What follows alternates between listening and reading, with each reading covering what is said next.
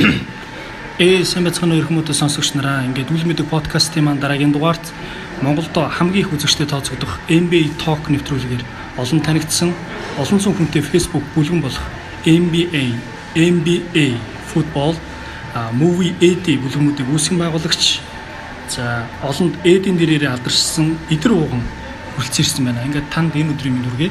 За чамд ч гэсэн мөн сонсож байгаа хүмүүстээ бүгдийн өдрийн мэндийг хүргэе. За та бас сонсогч нарт маань өөрийгөө товч танилцуулаач. За би өдөр нь NBA Talk нэвтрүүлэг маань бас хамгийн үзэгчтэйг өрөөсөө өсөж байсан магадгүй. Бас олон үзэгчтэй олон нийтээс спортын төдүүд нөр дотроо тий. Англи дотроо бол магадгүй бас хамгийн удаан явж байгаа. Тэгээ бас хамгийн олон үзэгчтэй болсон байх гэж бодож байгаа. А миний хувьд бол а спортын сэтгүүлч гэдэг мэргэжлийг ажил дээрээс олж авсан. Тэгээд маркетинг арга зүрх ажилладаг. Тэгээд бизнесийн удирдлагаар Америк нэгдсэн улсад бас сурч байсан. Тэгээд 10 жилээ би Монголд болохоор 93 дугаар сургуулийг 9 дугаар анги хүртлээ явчаа. Тэгээд дараа нь Австрали руу шилжиж Австрали улсад бас 10 жилээ төгссөн. Тэгээд 2005 онд дараад нь тэгээд Америкоос явсан. Тэгээд 2005 онд Монголд ирээд тэгээд одоо телевизийн салбартыг тасралтгүй 15 жил ажиллаж байна да. За ер нь яагаад одоо энэ спортын сэтгүүлч гэдэг мэргэжлэр ажиллах болов? Шалтгаан бол маш энгийн. Жохондоо манай байрныхан тэр чигээрээ сагсан хүмүүс тоглодог, сагсан хүмүүс ярилцдаг. Яг тэр нөгөө нэг зах зээлийн нийгэм рүү шилжиж байгаа үед бид нэр өссөн. Тэгээд гэтээ тэр үед би NBA спортын сэтгүүлч юм тийм боломж ерөөсө боддгоо л байсан л та. Тэгээд хожим Монгол 2005 онд ирээд яг ямар ажил хийх вэ гэдэг дээр л ер нь хевсний үйлдвэрийн захирлын туслах болох уу эсвэл Eagle телевизийн Америк захирлын туслах болох уу гэдэг л хоёр сонголт байсан л та. Тэгээд азар би телевизээ сонгосон. Тэгээд өмнө нь бас миний оронд нэг хүн автсан байсан. Тэгээд тэр хүн нэг 7 хоног ажил гарцсан. Яг тэр хугацаанд би бас хевсний үйлдвэр рүү орчих гээд солонгос захирлын туслах болох байсан. Яг миний ганц эзэмсэн зүйл бол англи хэл байсан. Англи хэл одоо ашиглаж нэг ажил төрөл олондоо гэж бодож байсан л. Тэгэл Eagle телевиз рүү ороод захирлын туслахын ажлыг хийгээл телевизийн ажил ямар байдгийг бас захирлын ус гэдэг чинь бүх юм доорхон байгаа юм шүү дээ ерөөсөө тий. Бүх гарч байгаа шийдвэр бүх хүмүүсийн хооронд харилцаж өгнө ямар албан чөлөө яаж ажиллах гэдэг нь бүгдийн л нь ажигласан. Тэгээд бизнесийн удирдлага гэдэг нь би баг ажил дээр бас их сурсан гэх юм захирлаасаа. Тэгэл нэг өдөр спортын ялангуяа тэр Америкийн спортуудын NBA, хоккей, нөгөө бейсбол эдгээр нөгөө мэдээнийх нь дүрс Eagle Kids-д ирдэг байсан. Гэтэл тэр дүрсээрээс ашиглаж өгдөггүй. Зөвхөн мэдээ гаргадаг гэсэн үү? Ус төрийн мэдээ ч юм уу үйл явдлын мэдээ. Тэгэхээр нь би захиралтаа ягаад спортын мэдээ байж болохгүй гэж гэдэг саналыг тавиад тэгээд спортын албаа үүсгэн байгуулах боломжтой болоод тэгээд тухайн үед манай угнаа аха ирка за тэгээд сүүлд одоо халалт маань орж ирж Eagle анхны тавлыг л үзээр бүрдэжсэн да. Тэгээ 2006 онд а энэ биток нэвтрүүлгийг хийх бас бодол орж ирээд тэгээд хийсэн. Тэгээ одоо ингээд 13 дахь хүлээлтаа тасралтгүй явж байгаа юм төсөлтөө. За ер нь энэ мэрэгчлэр ер нь ажиллахад одоо спортын сэтгүүлч гэсэн үг тийм сэтгүүл зүйн чиглэлээр ингээд ажиллахад тань ер нь ямар санагддаг вэ?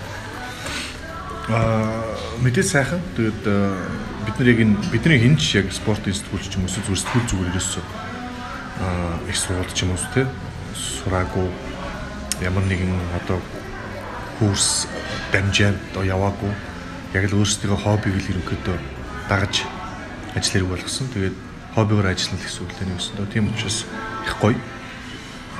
Хүмүүс их хатаархдаг. Хоббигаар ажиллах ямар байдаг вэ? Тэгээд би бас нөр юугаар TEDx гэдэг нэг спич тавьдаг, дэлгэл тавьдаг тэр дэлхийн бас айгу том форум бас Монгол болсон. Тэгэхдээ би нөгөө дархан хотод очиж бас хэрхэн хоббигоо мэрэгчлүүлэх вэ гэдэг сэдвээр бас ихтгэл тавьж ирсэн. Тэгээд тэр тэрийг сонсох юм бол бүр дийлэнгүй миний яг түүх байгаа л да. Тэгээд ер нь бол хоббиг ажиллуулах нь гэдэг их нэг бодол ямархан нөгөө төгөөр бас хоббигоо алтна гэсэн үг. Хобби гэдэг маань өөр ажил болчихлоор өөр шинэ хобби гарч ирэх хэрэгтэй болчихно. Тэгээд нэг тэр бол айтер тийм сум нөгөө сүртэй нөгөө асуудал биш л дээ яг Монголын хувьд бол спортын сэтгүүл зүй гэдэг анги анги танхим бол баг байдаггүй. А сэтгүүл зүйн танхимуд бол байдаг мэдээж. Айгу олон сургуулиуд дээр байдаг бах. Тэгээд манай Батцаа бас нөгөө Тамирын дэд дээр спортын сэтгүүл зүйн гэж бас нэг хэсэг явуулж ирсэн. Тэгээд тэгтэнд оюутнууд дээр нь очиод бас ярьж ирсэн. Тэгээд одоо бол спортын сэтгүүлч болъё гэсэн хүсэлтэй залуучууд аягүй хөлдсөн байлээ.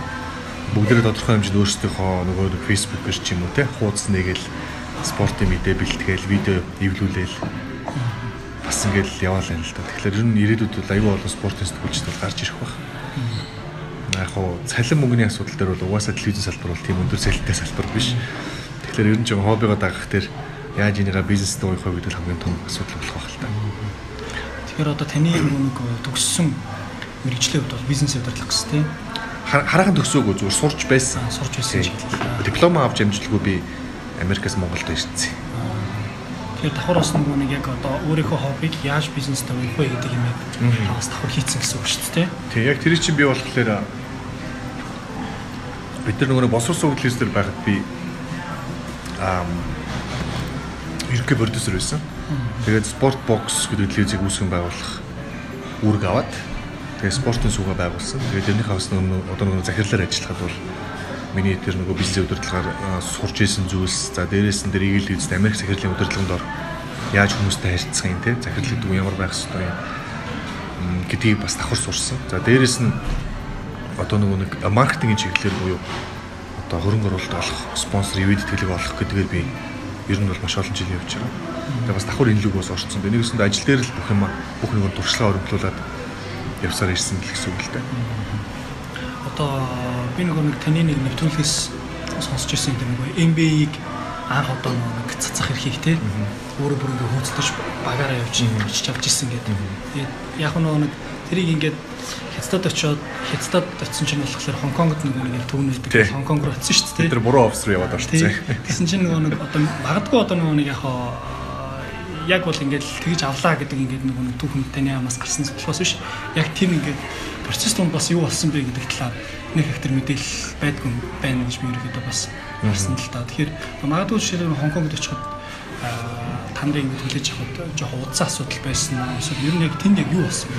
Яаж эцэнд одоо дийл хийж те тэрийг наашаа Монгол гэдэг орнд орооч ирнэ те. Тэр чи одоо 19 10 11 он 9 10 он хэвцээ юм уу да бид нэр эрхийг нь авъя гэдэг. Тэрнээс өмнө бид нар бас нөгөө нөгөө Филиппиний NB гэдэг нэг суугийг олж аваад хулгаагаар бас нэгэн тоглолт амжуулж ирсэн.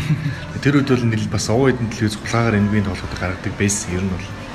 Тэгээд Синэг телевиз чинь тэр үед Английн Премьер лиг оолж ирсэн байсан.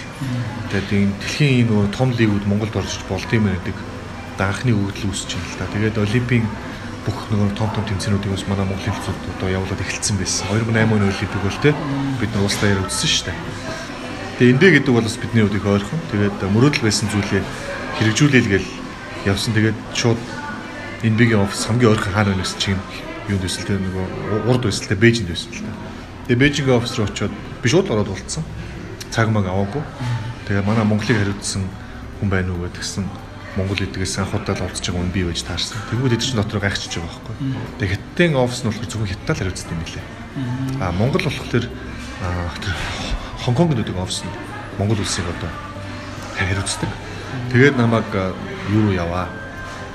А Хонконг руу яваа. Ийм үнтэй уулзаа гэдэг. Тэгээ би шууд явсан тэр өдөртөө бараг шууд билет аваад цаашаа Хонконг руу явсан. Тэгээд Хонконг руу очиод уулзаад шууд л орол бас юутай хэдтэйгээ адилхан цаг маг авалгүй ороод уулцсан. Тэгсэн тэгээд айгу эргээр хүлээж авсан. Тэгээ Монголын гүйж тэр чинь бас өөрсдөө бизнесийг бас дахиад нэг улс оронд нэмий гэдэг бас зорилго байгаа шүү дээ. Энэ би ч өөр айгу нөгөө глобалчлагдсан. Тухайн комиссар нөгөө Дэвид Стөрний одоо хамгийн чухал барьсан бодлого бол дэлхийн нийтийг бадсан тийм бизнес болё. Тэгээ лиг болё гэдэг бодлоготой байсан. Тэгээд тухайч одоо Монгол одоо 190 төгс мос болж исэн юм да би альбинс нэрхийг авсан. Эсвэл 200 ч юм уу. Одоо ч баг 230 ус байдаг байх шүү.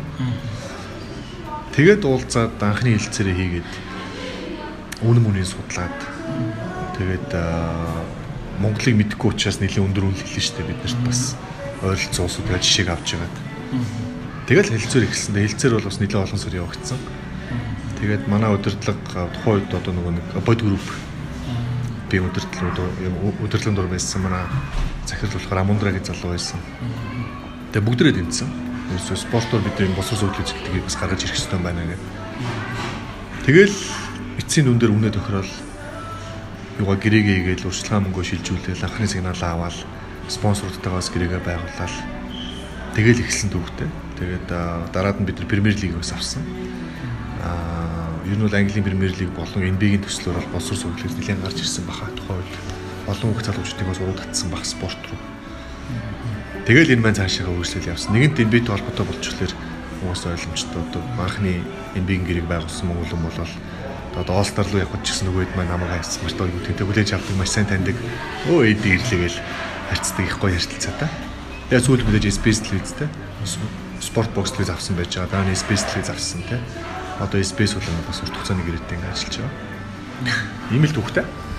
За тэгвэл одоо таныг э, спортын нэвтрүүлгийг ингээд тайлбарлахдаа маш тийм өөр мөц шинэлэг одоо бусдаас их өөр тайлбарладаг гэдэг тийм. Тэгвэл одоо магадгүй энд бас нэг ямар ур чадварууд өөрт чинь шаарддаг вэ? Жишээлбэл магадгүй одоо нэг спортын институтч болох гэж байгаа залуучууд нэлээд гарч ирэх гэж юм гэж шүү дээ. Тэгэхээр гарч ирэх гэж байгаа залуучууд магадгүй одоо би яг ямар ур чадвараа сайжруулах вэ юм тий. Яг бид нар ч нөгөө нэг мэрэгжлийн сургуультанд сураагүй. Аа яг мэрэгжлийн спортын сэтгүүлч эсвэл спорт нөгөө тайлбарлагч тий. Тим хүн ямар байх ёстой гэдгийг мэдэхгүй учраас яг өмнөдөө бидэрт ингээд заа чи ингэдэг гэж одоо нөгөө багшилсан хүн бол ерөөсөй байхгүй. Тэгээ би анх нөгөө англитэй байсан учраас нөгөө Америкийн телевизүүдэд үзэл яаж тайлбарлагыг сонсч ирсэн болохоос биш. Тэгээ би нөгөө үедээ бас нэг жоохон зааварчилгаа өгөөл олчулж өгөөл те бүгдээрээ хамтдаа суралцаад явсан л та. Тэгээ миний хувьд бол хамгийн гол асуудал би чи 90 хүн байсан байхгүй баг бүтэн өгүүлбэр ярьж чадахгүй. Одоо ч гэсэн хэвээр л дээ. Гэхдээ саксирхаар тэр намайг багасчдаг. Тэгээд өөрийгөө хүчилсэн.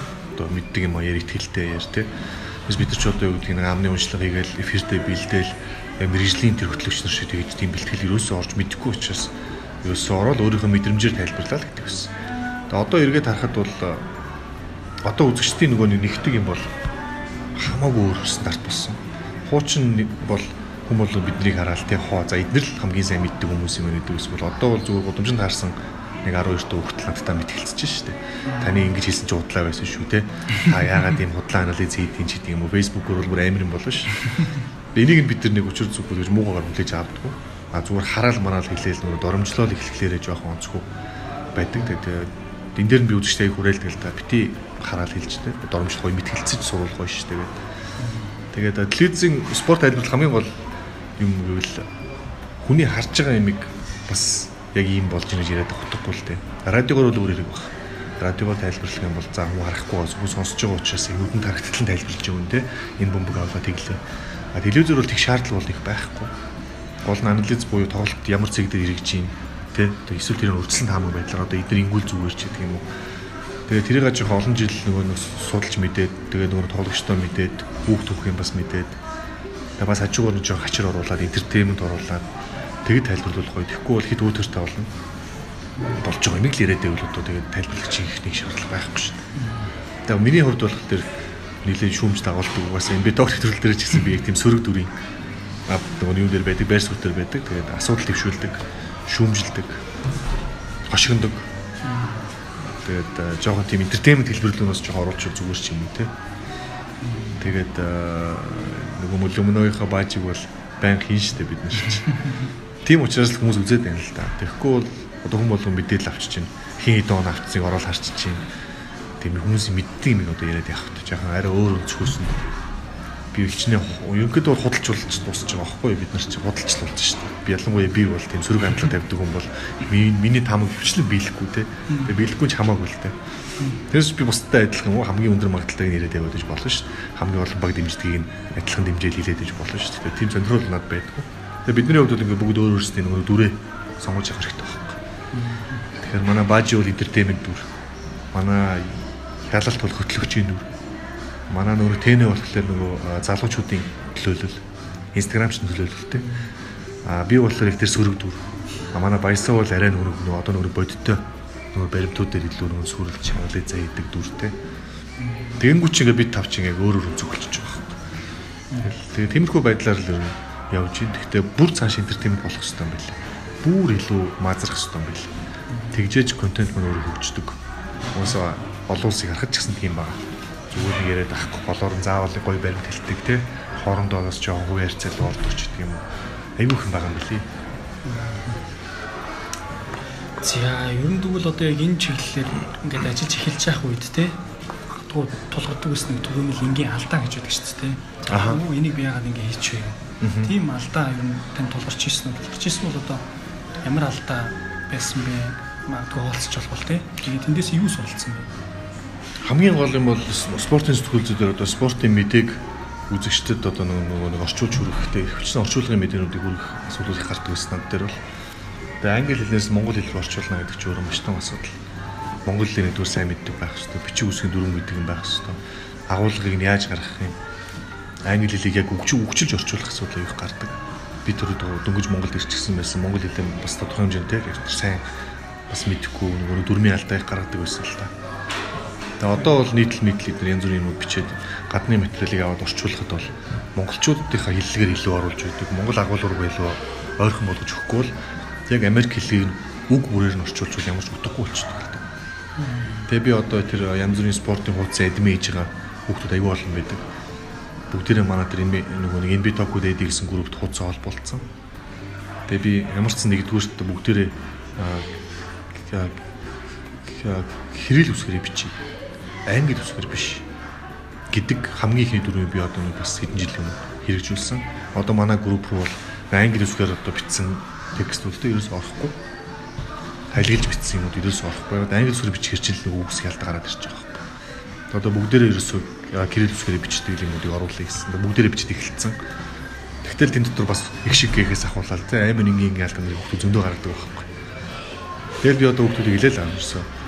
Үг яаж бичиж байгаа гэдэг словарда тараа. Тэгээ үг чи яад ямар их шиг чингээгдэ яад гэдэг. Манай монгол хэлч өөр баларлаач сүлтэй бол Тийм учраас тэн дээр л одоо гол асуудал гардаг. Ер нь бол тэрээс биш спортын мэдлэгийн асуудал алга тий. Англи хэлтэй вэ ихэнх нь ойлгож чинь. Яг тэрийг орчуулад гоё монгол хэл рүүгээ буулгах дээр л жоохон харчих болсон. Бас зүгээр юм уу? Энэ дээр л бидний үуч хамгийн том асуудал гарч ирсэн. Одоо бол ер нь харьцангуй гайг болчих бас. Гэтэ өдөр болгон л би оо энэ үг чинээр ингэж үчдэг үлээ. Шилдгээр гэж үччих чи одоо тэр ээ бас алга болт юм ба шүү дээ. Шилдэггээр биш, шилдгээр гэж шууд явд юм байж тийм ингээд амар сонин сонин өөрийн өөрийн зөв гэж бодож ирсэн бол буруу гэдгийг мэдэж бас аваад байгаа. Бас суралцаал яваад байгаа. Харин тийм нэг түрүүн тэр одоо нэг орчуулга гэхэд нэг зугаатай шинжилгээ гэдэг шүү дээ. Монгол үг хэллийг алдсан шүү дээ. Жанлааргүй. Илт гэдэг нөгөө үгийн төгсгөл биш дээ. Явал алхамт, амралт. Бид нар тэрийг нь гаргаад ирсэн баггүй юу? Спорт хэллэгээрээ. Тэнгүү тэр группийн чинь биднийг бүр алдаг байхгүй. Та нарын Монгол хэлийг өстө боснол сүрүүллээ. Тэдүү удаа самраас бөмбөг самраас бөмбөг авалт хийлээ гэж бид нар ярьдаг байсан. Гэхдээ зүгээр 10 удаа самраас бөмбөг авлаа гэхэд л болохгүй. Авалт хийлээ гэж нэг англи хэлчин болохоор тэдэн rebound авдаг гэж ярьдаг тий. Бид нар яг тэр өөрөнд ярьчингууд чинь Монгол хэл алчаад байгаа. Тэгээ сүүлдээ одоо баг уншилт хийлээ гэж ярих гэдэг шүү дээ. Ном уншлаа биш те. Ном уншилт хийлээ гэж яриулж удахгүй дээ. Бид нар бол тэр групт алуулсан алс. Тэгээ би альбес руучлалтайгаа байсан. Өөрөөсөө сэхэл заснаа гэж хэлсэн. Одоо өөрөөсөө засаал явж ил. Гэхдээ энэ бол тэн дээр би нэг юм сонирхолтой уншиж байсан. Яг нэг хүн одоо ингэ нэг хүүхдүүд айгүйх дуруу ярьдаг болсон мэр гэдэг болохоор яг та жишээлбэл нэг би нэг ногоог үзэн яддаг гэж хэлж байгаа гэж байгаа байхгүй юу? Юу гэ? Ногоог яддаг. За би би ногоонд дургүй гэж дургуул гэж байгаа юм байр тийм. Тэрийг л хэлж байгаа үзэн яддаг гэх юм. Тэр нь ингээ англи хэл дээр магадгүй ингээ зарим хүмүүс нөгөө багасаа ингээ нөгөө картун нэтворк үздэг ч юм уу тийм. Тэр нэг ингээ нөлөөлөнгүүтээ жишээлбэл нөгөө I hate I hate vegetables гингүүтэл нөгөө төл жишээлбэл би ногоо үзэн яддаг гэдэг. Би ногоон дургуй гэдэг үгийг л амандаа тийг ойлгоцсон байна. Тэгэхээр ингээд бас энэ мэдчлэн нэг маш олон хэцүү юм алдаанууд их гарч ирээд түгээмэл хэрэглэгддэг боллоо. Тэгээ хүүхд залуучууд үзэж байгаа юм чи бас спорт байгаа юм. Тэгэхээр спортын сэтгүүлч спортын нөгөө телевизээр нөгөө спорт нөгөө хүмүүс хүргэж байгаа тайлбарлаж байгаа хүмүүс маань энэ хилцүү хувьд айгүй зөв хилдэг байх хэвээр өгүүлбэр зөв эхлүүлдэг байх хэвээр. Яг орчуулгын ямиг орчуулах чинь тэр доорн нөгөө синхрон орчуулах айгүй хэцүү ер нь бол. Тэгэхээр иймэрхүү юмнууд дээр спортын сэтгүүлч өөрсдөө анхаарах хэрэгтэй л доо мэдээж бидний үүрэг хэлдэг тэр нь өөрөө. Тэгэхээр энэ дээр цаг хугацааны судлах айгу болох л бах юм гэж найдаж байгаа шүү. За тэгвэл одоо яг энэ сэтгүүл зүйн чиглэлээр спортын сэтгүүл зүйн чиглэлээр ингээ ажиллаж байхад сайн хэрэгжүүлсэн одоо сайн туршлага байвал сайн туршлагаас олзооч. MBA-г оруулснаас гадна өөр сайн туршлага байл. За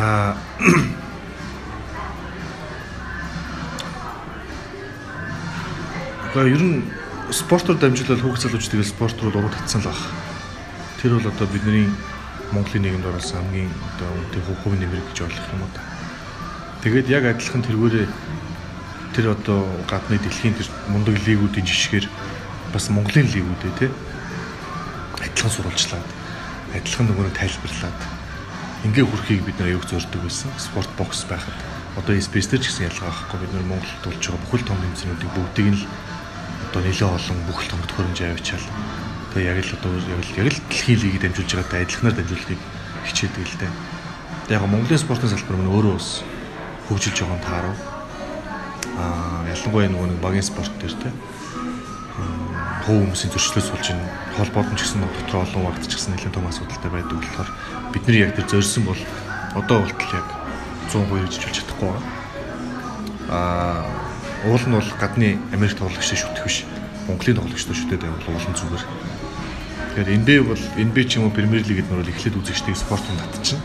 Дараа нь Монголын спорт нөргөө хөгжиж юм бол тэр үзэгчд маань тэр харь олын холын хүнийг дэмжихийн оронд өөрийнхөө одоо Улаанбаатарын бага ч юм уу те дүүргийн бага ч юм уу аймгийн бага ч юм одоо мэдхгүй дэмждэг бага ч юм эсвэл төгссөн сургуулаа ч юм уу яг гоо ингээд дэмжиж явбал спорт мөн өөрөө бас бизнестэй холбоотой болгож үүссэн л те спортын зах зээл өөрөө бол жоо хэцүү.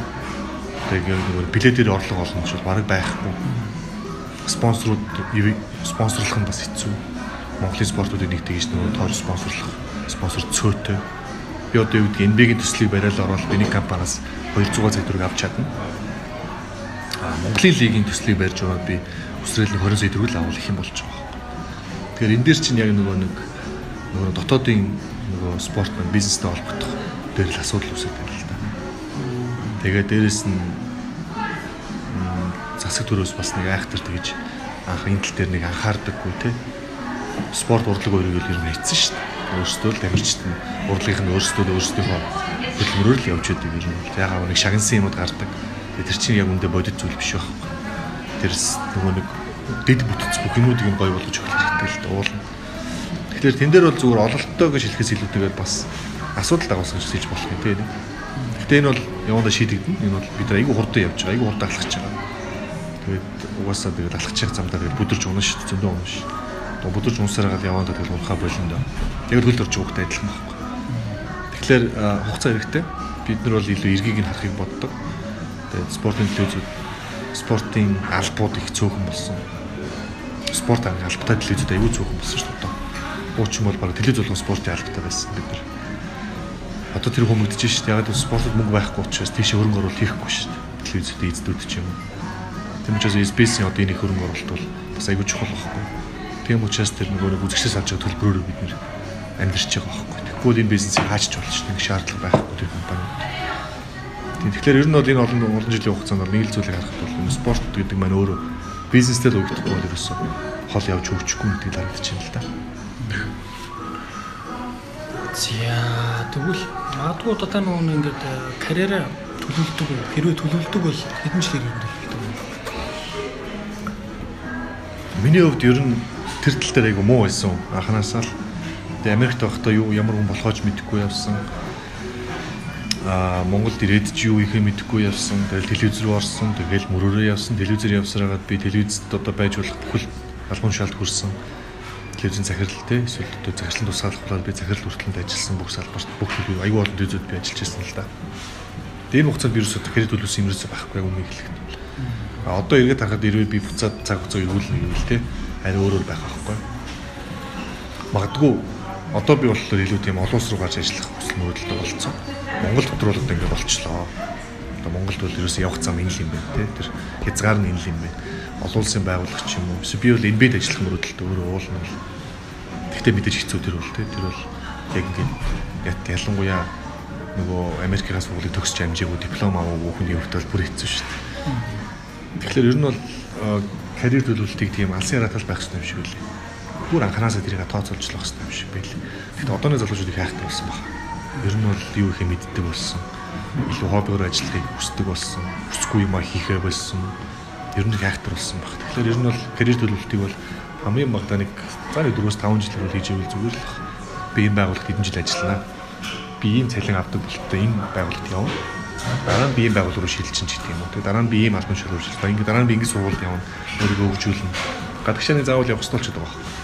Одоо манай хөлөвгийн Бацаа явал Монголд л байсаар байсан. Тэгэл өөрөөс дараа нь ойлгоч за би гадагшаа ер нь явахгүй болохгүй юм. Би хэл сурахгүй болохгүй. Би ер нь гадны сургуулийг төгсөхгүй болохгүй юм. Одоо Таиландын нөгөө их сургуульд спорт менежмент дээр одоо сураад одоо баг төгсөхгүй биш. Тэгэхээр тийм боловсруучил манай спортын салбарт хэрэгтэй байна л да. Тэрээс зөвхөн спортоос төлж биш шүү дээ. Цаашаа айгүй бол юм байж болно. Аа одоо нэг юм карьер төлөвлөлт гэл тэгэнгүүт нэг юм тогтмол ойлголт байдаг шүү дээ. Жишээлбэл одоо баг албан шалгаас ирээд өндөр албан шалт хүрч гэдэг юм уу тийм. Эсвэл одоо нэг баг цалинтай байснаас их цалинтай болох эсвэл одоо нэг дотоодын байгууллагт ажиллаж байгаа гадаадын байгууллагт ажиллах ч гэдэг юм тийм. Эсвэл олон улсын байгууллагт ажиллах бүр ингээд дэлхийд дамжтай үндэстэн дамж ажиллах нь бол ингээд карьер төлөвлөлт юм аа гэх тийм. Тэрнтэй ер нь та санал нэгддэг эсвэл ер нь таны хувьд яг юу гэж ойлгодог вэ? За ер нь бол тийм л байх л та. Тэгээ миний өөрийн өөрийн карьер учир зүггүй нөгөө төлөвлөөгүй ч гэсэн яг л наад замаарч ил явсан л та. Жон жонор альбомчул ахин бол олон олон янзын боломжууд гарч ирнэ өөрийгөө харуулад батлаа харуулчих юм бол өөр албан шилдэр очно гэдэг чинь авч байгаа нөгөө нэг цалингийн хэмжээ, орлогын хэмжээ нэмэгдэнэ. За тэгээд олонний танил болоод эхлэх юм бол бас дахиад маркетингийн боломжууд гарч ирнэ. Одоо сошиал медиа хөгжиж байгаа учраас одоо би чинь бас давхар одоо тэр яг нь инфлюенсер гэдэг үг их гарсан. Би бол энэ үгнийх амар дуртай бол биш. Тэгээд одоо инфлюенсерүүдийн нэг болчихсон л яваад байгаа байхгүй. Тэгэхээр тэнд ер нь бол яг тиймэрхүү шатлаар л явах хэрэгтэй. Гэхдээ аа 30 нас хүртлээр магадгүй тэгж явж байгаад ер нь бол хувийн бизнес руу орсон зүгээр санагдсан надад бол хүн өөрөөрийнхөө төлөө ажиллах нь илүү амттай. Эрсдэл дагуулах ч гэсэн боломж байж болно. Одоо би бол хуваар ажиллаж байгаа. Энэ би ток нэвтрүүлгийг би хийж байгаа. Миний өөрийн нэвтрүүлэг кино ток нэвтрүүлэг миний өөрийн нэвтрүүлэг, футбол ток нэвтрүүлэг миний өөрийн нэвтрүүлэг. Энэ нэвтрүүлгүүдийг би спонсортой уяал би өөрийнхөө бизнесүүдээс спонсорудаас мөнгө аваад тэргүүрээ би хүмүүсээ залхимжуулаад илүү гарсан миний мөнгө болол явдаг ч юм уу те.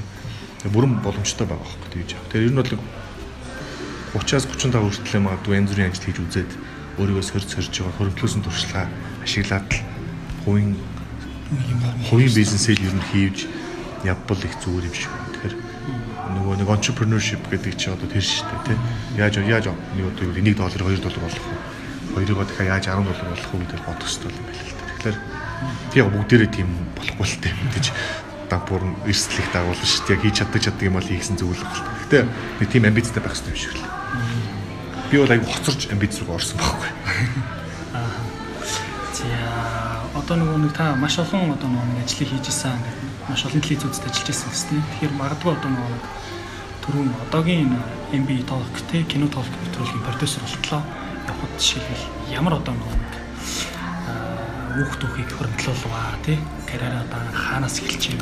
Телевизээс эхлээд одоо энэ хүртэл явж байгаа. Тэрийгээ таваас уулзаж За ер нь нэлээд шүү. Би Eagle-Lids таах ороод гэдгээ хэлсэн. Дараад нь би үндэсний телевиз рүү Eagle-Lids болохоор би спортын албаны ахлах гэдэг үргэлжлэл явсан. Яг ер нь бол манай Eagle-Lids-ийн захирал бол намайг бас захирал болох гээд бас бэлтжижсэн Гэхдээ би нөгөө христийн шашинтай байх хэвээр. Яг л христийн телевизсэн тохой үү. Тэгээ би ч өөрөө шашинлаг бус атеист биш үү. Юм учраас тэр бол миний хувьд боломжгүй зам байсан. Тэгээд үндэсний телевизээс надад а гадаад харилцааны албаны одоо одоо нөгөө захирал болооч гэдэг санал ирж ирсэн. Тэгээ би 2008 7 8 оны үед 8 онд юм да. Бээжинг олимпийн үед үндэслэлд орцсон байсан. Гадаад харилцаагаар үзчихсэн. Янз бүрийн олон улсын хурал семинаруудад явна Монголд бас сурал семинаруудыг зохион байгуулна. Бүх ажилчдыгаа бас тийм олон олон янзын сургалтанд хамруулна, гадагшаач явуулна, дотооддоо ч гэсэн гадаас багш авчаа сургуулна. Тинчээ би бол айгүй нөө зохион байгуулалтын ур шударгыг эзэмшиж авсан. Айгүй бол үнэтэй шүү дээ. Үнсэл эзэн чинь 1000 гаруй үнэтэй шүү дээ. Тэгээ тэндээ бол би нөр төрийн байгууллага яаж ажиллахыг мэдэж авсан. Аа олон улсын компани, олон улсын байгууллагуудтай маш сайн харилцаануудыг тогтоосон Монголын телевизүүдийн ерөн салбар бизнес талаас яаж ажилтгийг бас ойлгож авсан. За тэгээд дараад нь би юу нөгөө босор зөвлөлөөс рүү орсон. Босор зөвлөлөөс дээр би бол ерөнхий продюсер байж байгаа. Дараа нь нөгөө бокс network гэж байгуулагдаад спорт бокс, music box, movie box гэх аяг болон боксууд байсан шүү дээ. Одоо хүртэл байна. Энэ боксуудын би ерөнхий захирлаар ажилласан. Тэгэхэд бол би цэвэр нөгөө маркетингийн ажлыг ойлгож авсан. Мөнгө яаж олох ёстой бэ гэдгийг ойлгож авсан. За дараад нь би тэндээс гараад шин дэлхийн телевизэд бас юу лээ шин дэлхийн телевиз чинь би бизнес юу гэж тариуцсан захирал болсон. Тэнд бол удаагүй омтой хоёр танд ажилласан удирдлагад орно. За тэнэгт байхдаа би бол харин солонгосын телевизэд очиж бид нэр бас нэлээд олон хоног сургалтын сууж тэр одоо нэг савнгийн дөрүүд те соп операнер яаж бүтээгдгийг бас нүдэрээ харсан. Тэгээ тэнд бол угаасаа удаагүй учраас бас тэндээс авсан туршлага бол нэг байхгүй. Тэгээ би ч NTV телевиз давхаж ажилласан дэлхийн аваргаар ер нь тэгэл би хуурай шилцсэнтэй. Ер нь тэгэл хуурай янз бүрийн юм хийгэж бодвол явсан. Тэгээ яг тэр үед чинь манай MB-дог нэвтрүүлэг чинь гарахаа болцсон үе ихгүй.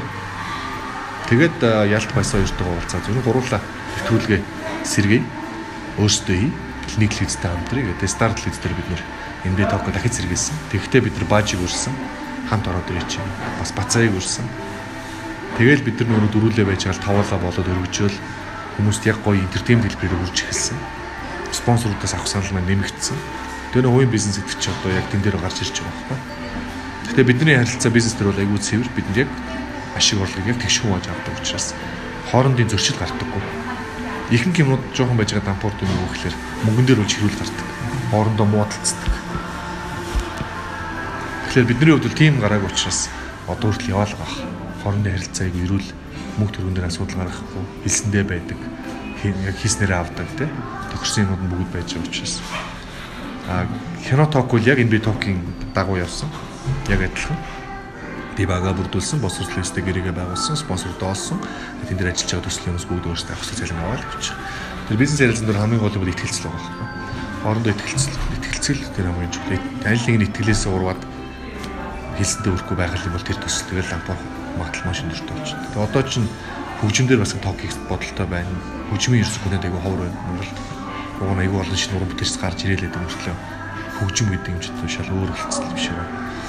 E-спорт байна.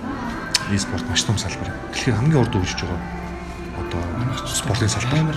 Манай Монголын тамбагт амар айгүй олон тэмцээнд дандаа айгүй сайн байдаг. Гэтэл Монголдоо энэ ойлголт нөгөө бисед голомын газар гэдэг муухай юмараа хിവэрэл байгаа Дөнгөж сайхан чи бөө юм болж чад бисад голом газруудыг нээлэн шүү дээ нэг юм. Тэгээ энэ бас өөрөө нийгмийг бас өөрчилж болох болж. За хөлбөмбөгийн хувьд бол манай футбол токийн хувьд бол спонсор хөдөлж байгаа асуудалтай. Ягаад гэвэл нөгөө сошиал дээр тавигдаж болдоггүй. Хөлбөмбөгийн тэр дүрсүүд чинь сошиал хориотой байдаг. NBA уран санааны кинод бол арай гайгүй байгаа байхгүй. Тийм учраас хөлбөмбөг манайг бизнесийн хувьд бол жоохон тийм ямар нэгэн ашиг нь байхгүй. Өөрийнхөө бор зүрхээр яваад. Дээрээс нь Бацаа манаас гадагш явц учраас одоо Бацаа иргэд ирэх юм бол бас бид нар хөлбөмбөгийнхаа стокийг илүү хөгжүүлэх өгдөг ч юм. Тэр ингээл бүхэл токуудыг л би ингээл нэг нэгээр нь базаал ингээл нэг тийм нөр франчайз маягийн болох гээд үзээд байгаа байхгүй. Тэгээд дараад нь одоо нэг одоо бизнес ток гэдэг төсөл хүртэл ярьж ирсэн тий. Сонгуул ток гэж бизнес сонгуулийн үеэр хийсэн. Ингээд айгүй олон энэ ток байж болж байгаа байхгүй юусэн. Хүүхдүүдийн бас нэг ток гэж болж байна.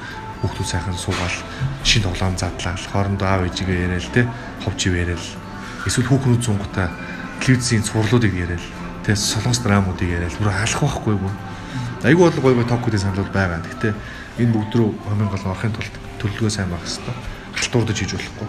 Халтууртгал юм бол зөв эрэг байхгүй. Хутлаа мөнгөний төлөө явуулахгүй гоё ингээд контент нь сайн байх юм бол мөнгө араас угаасаа дагна шүү дээ. Манайхан энийг алддаг юм шууд мөнгөрүүд яриад байдаг байхгүй. Ерөөсөө их мөнгөрүүд арих мөнгөрүүд арих гэдэг. Тэгсэн мөрт электр контент анхаарч чаддгүй ч. Тэгэхээр ийм л одоо нөгөө дараалал явлаа да.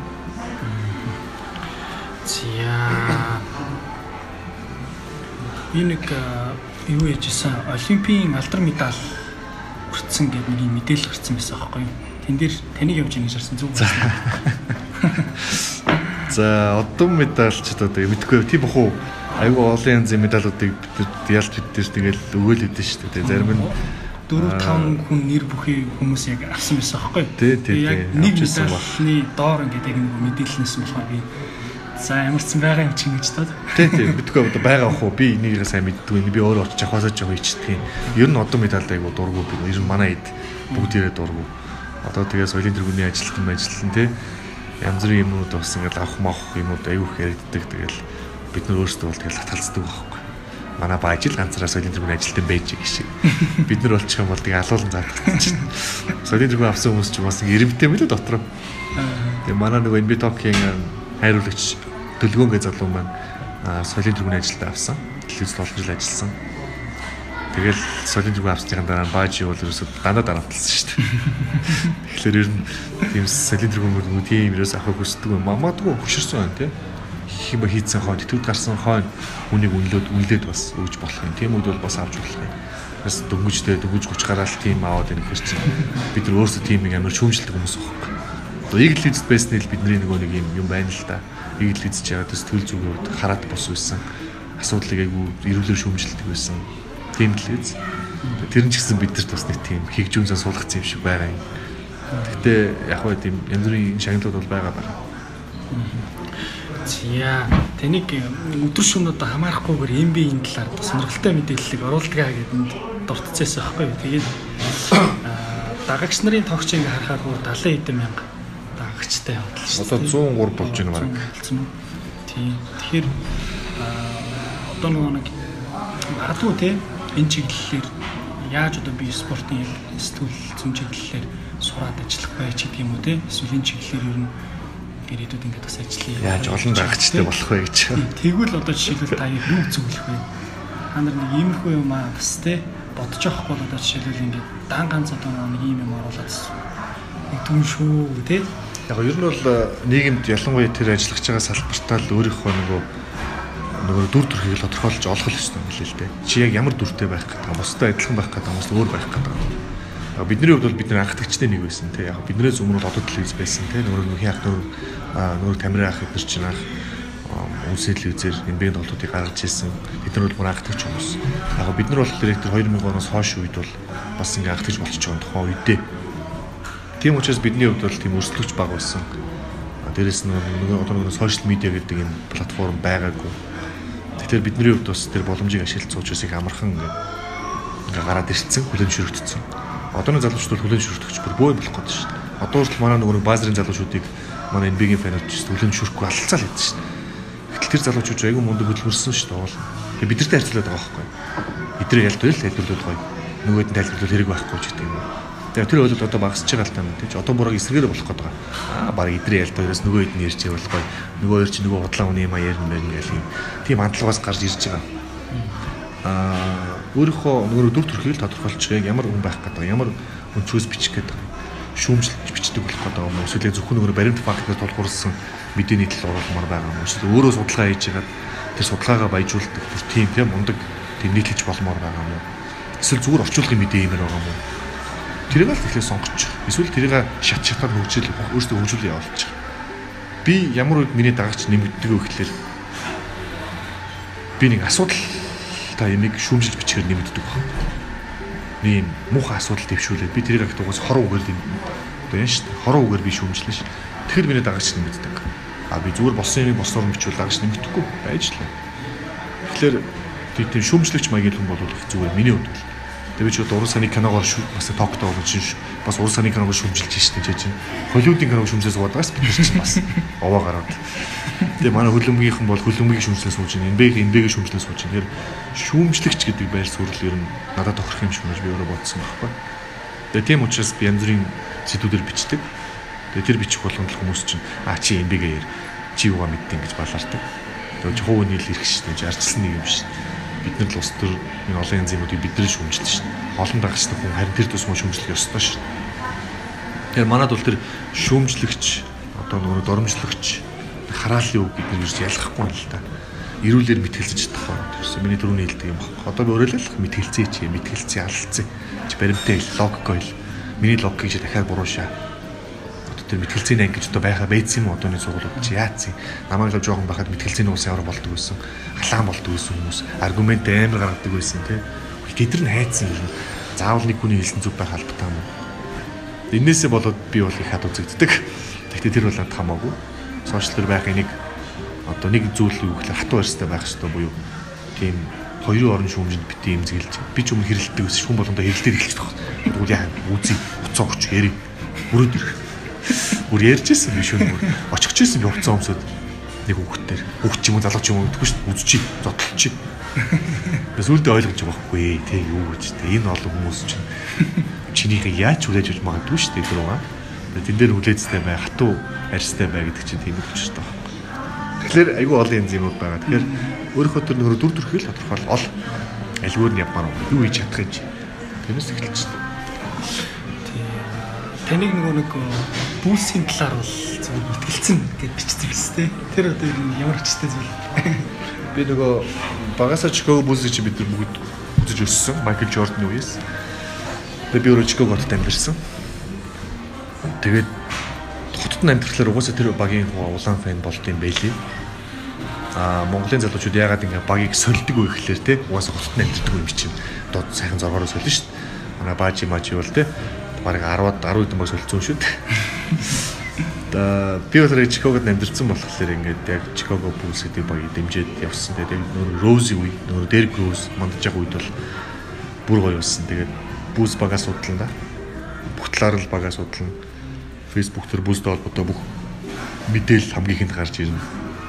Тэгээд гэхдээ бидний ажил бол бүх багийг судлах хэрэгтэй. Гэхдээ тэр дотор бид нөр өөр өөрсдөө багуудыг бүгдээ сайн мэддэг бас. Илүү мэддэг автомат байхгүй. Тэрэнд л холбоотой тэгж хүмүүс ирдэг байна Одоо Булсийн фэнүүдийн хувьд бол олон жил бид нэр баларч явж байна. Төмний доог болж байна. Хэзээ хатар нар гарах юм байгаа мэдэхгүй. Бусад багуудын фэнүүд татаархдаг. Гэтэ бид нар багаа сольдөггүй, өөр баг дэмждэггүй. Тий, тийм л асуудал та. Ер нь хэмжээг асуудал бидний хувьд бол. За та ер нь сайн дурын ажил хийдэг үү? Хэрэг хийдэг үл ер нь яагаад хийдэг вэ? Хүмүүлгийн гэсэн үг сайн дурын. Сайн дурын гэдэг нь одоо за яг нийгмийн хариуцлага волонтер маягаар л. Волонтер үү?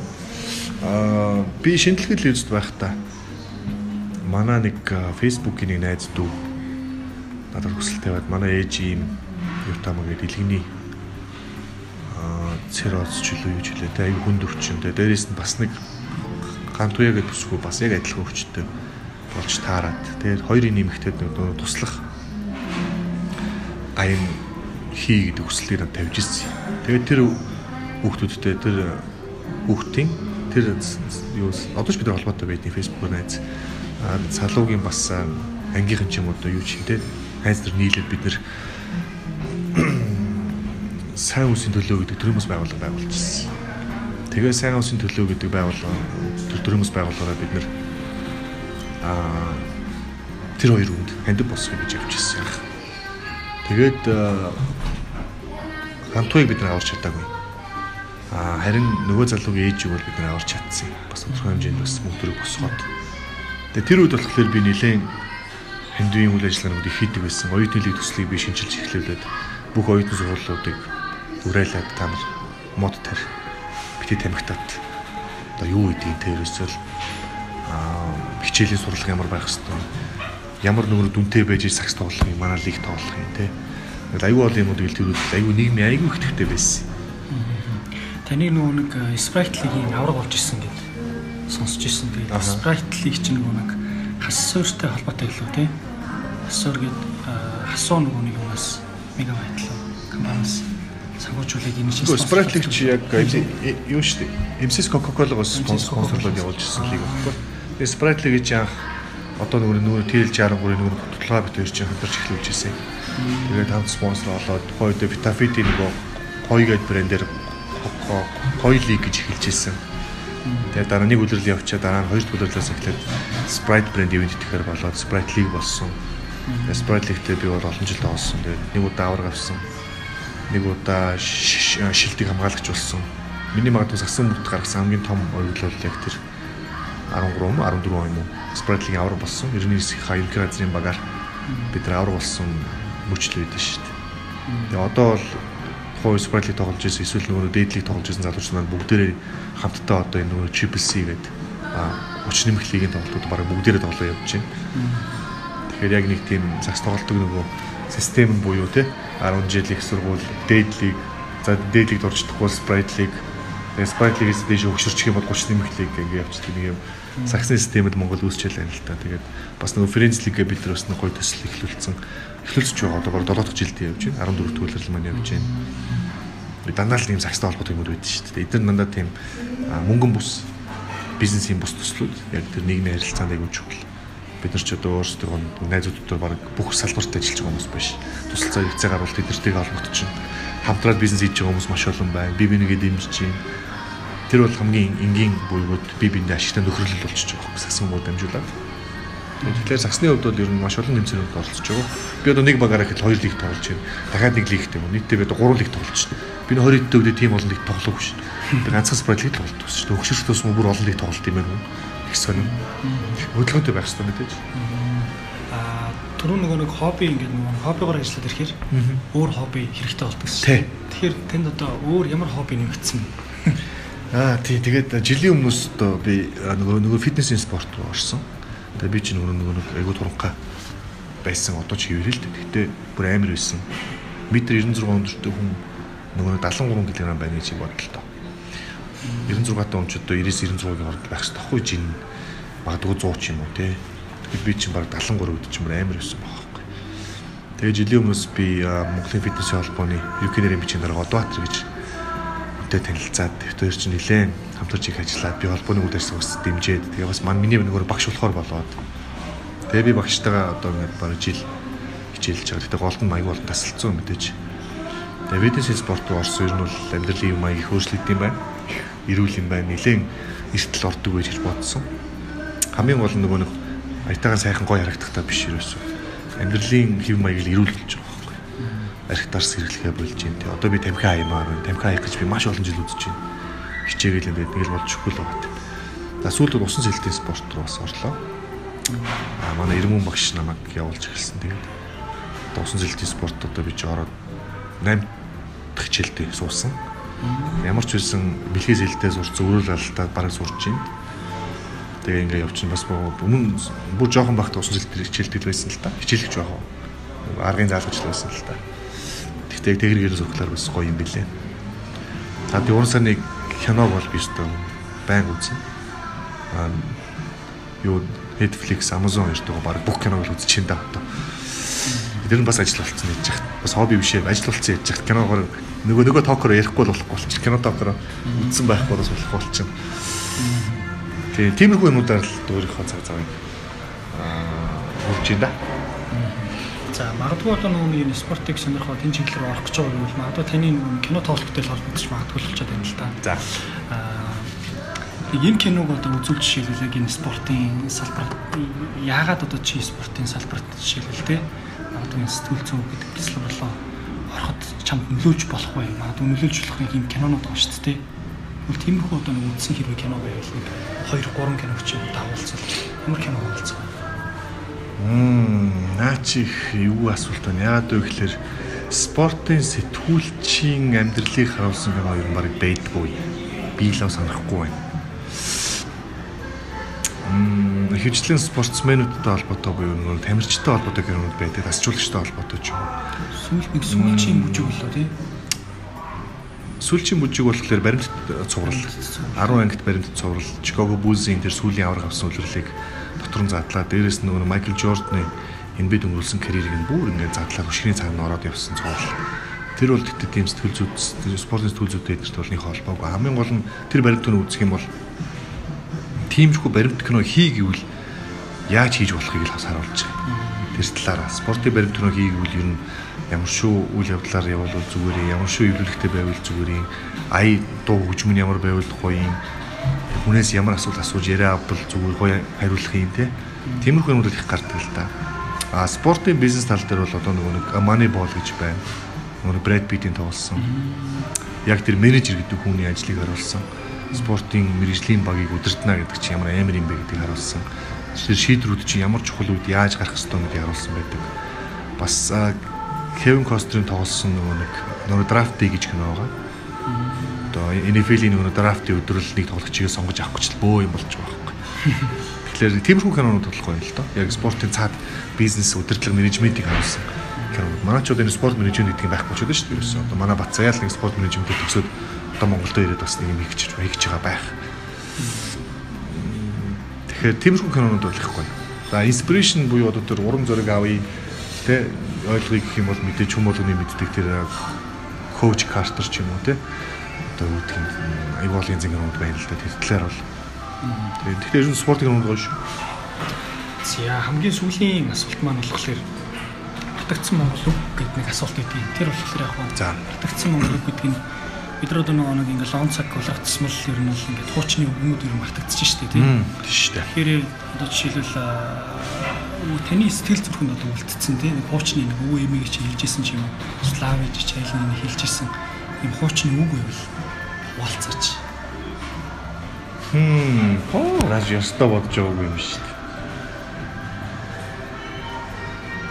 Хуучны үг. Яста мэдгүй маань юу вэ ч дээ. Эсвэл одоо хуучны үгш бол магадгүй сургаал өгч гэдэг юм тийм. Нэг юм хөө юм ер нь бас хэлдэг байсан да. Тийм би бол миний хувьд бол усыг нь уул усыг нь ягаад бол би би айгүй болон гадны оронд аялж үтсэн амьдарч үтсэн. Яг тэр нийгэмд нь бус тий адилхан зохисод явах хэрэгтэй. Хичнээн өөрийнхөө ч гэсэн тий тухайн хэмжээнд аа өөрийгөө өөрчлөх хэрэгтэй гэдгийг бас харсан л та. Тийм хувирах чадвартай байх хэрэгтэй хүн. Тэгэхээр усыг уул усыг нь даг гэдэг үг гоё. Ялангуяа одоо нөгөө глобалчлагдсан нийгэм шүү дээ энэ ч одоо бүх юм чинь ингээд нөгөө сошиал нэг болчихлоо шүү дээ. Дэлхий баг хавтгаа болчихлоо шүү дээ. Одоо бүр ингэ байхаа болчихсон шүү дээ. Тийм тэгэхээр ер нь бол тэр л их гоё үг дээ. Усыг нь усыг нь уул усыг нь даг гэж. За ингээд хэм сонсогч нартаа дахиад нэг танилцуулаад хэлэхэд MB Talk кино talk нэвтрүүлгийн продюсер Идрүү өнөөдрийн дугаарт оролцлоо. Ингээд танд маш их баярлалаа. За тэгээ сонссон бүх хүмүүстээ бас баярлалаа. Тэгээд чамдаас амжилт хүсье. Тийм олон янзын подкаст, видеокаст, влог юмнууд айгүйх гарч ирж байна. Залуучуудад айгүйх гой гой юмнуудыг хийдэг болцсон байлээ. Одоо хичнээн подкаст гэдэг мэдхгүй бүр тоо томшгуулсан байлээ ш нэг үе бодвол нэг 500 Үгүй харин тийм. Тэгээд би бас дээр бас уран саны киноны талаар бас тэр Японд үдэг гэсэн залуутай бас подкастер, видеокастер нь орж исэн. Тэгээ би бас тэдэрт хэлчихсэн. Битээ зогсоогоор бол таадын хоббигоор хийж байгаа ажил. Гэхдээ энийг ингээд гоо чанартай болгоод хөгжүүлээд бүр ингээд үндэслэлгүй ингээд тийм системд болгоод ингээд явах юм бол бүх юм бизнестэй уйдаж болох юм билий. Манай энэ би ток ч одоо 10 дахь үйлрэл хүртэл мөнгөгүй явлаа шүү дээ. 10 дахь үйлрэлээс л эхэлж 10 жилийн дараа бид нэр спонсортой болж бизнес төсөл болгосон. Тэгэхээр битээ шантраараа юмудаа гоё хийгээд явах хэрэгтэй. Бүр гоё баяжуулах хэрэгтэй. Тэгээ тиймэрхүү зүйлсүүдийг сонсож байгаа хүмүүс ч гэсэн бүгдээрээ тийм хийж бодож л байгаа. Тэгэхээр өөрсдөө тэр нөгөө өнгө өнгө айсыг олоод онцгойрох дүрээ олоод тэргээрээ гоё дагнаад явчихвал ерөөсөө энэ сошиал медиа гэдэг юм чи одоо бүх юм бизнестэй үеж аюу гоё болж өгч шээ. Тэгэхээр чамд ч гэсэн амжилт хүсье. За баярлалаа. За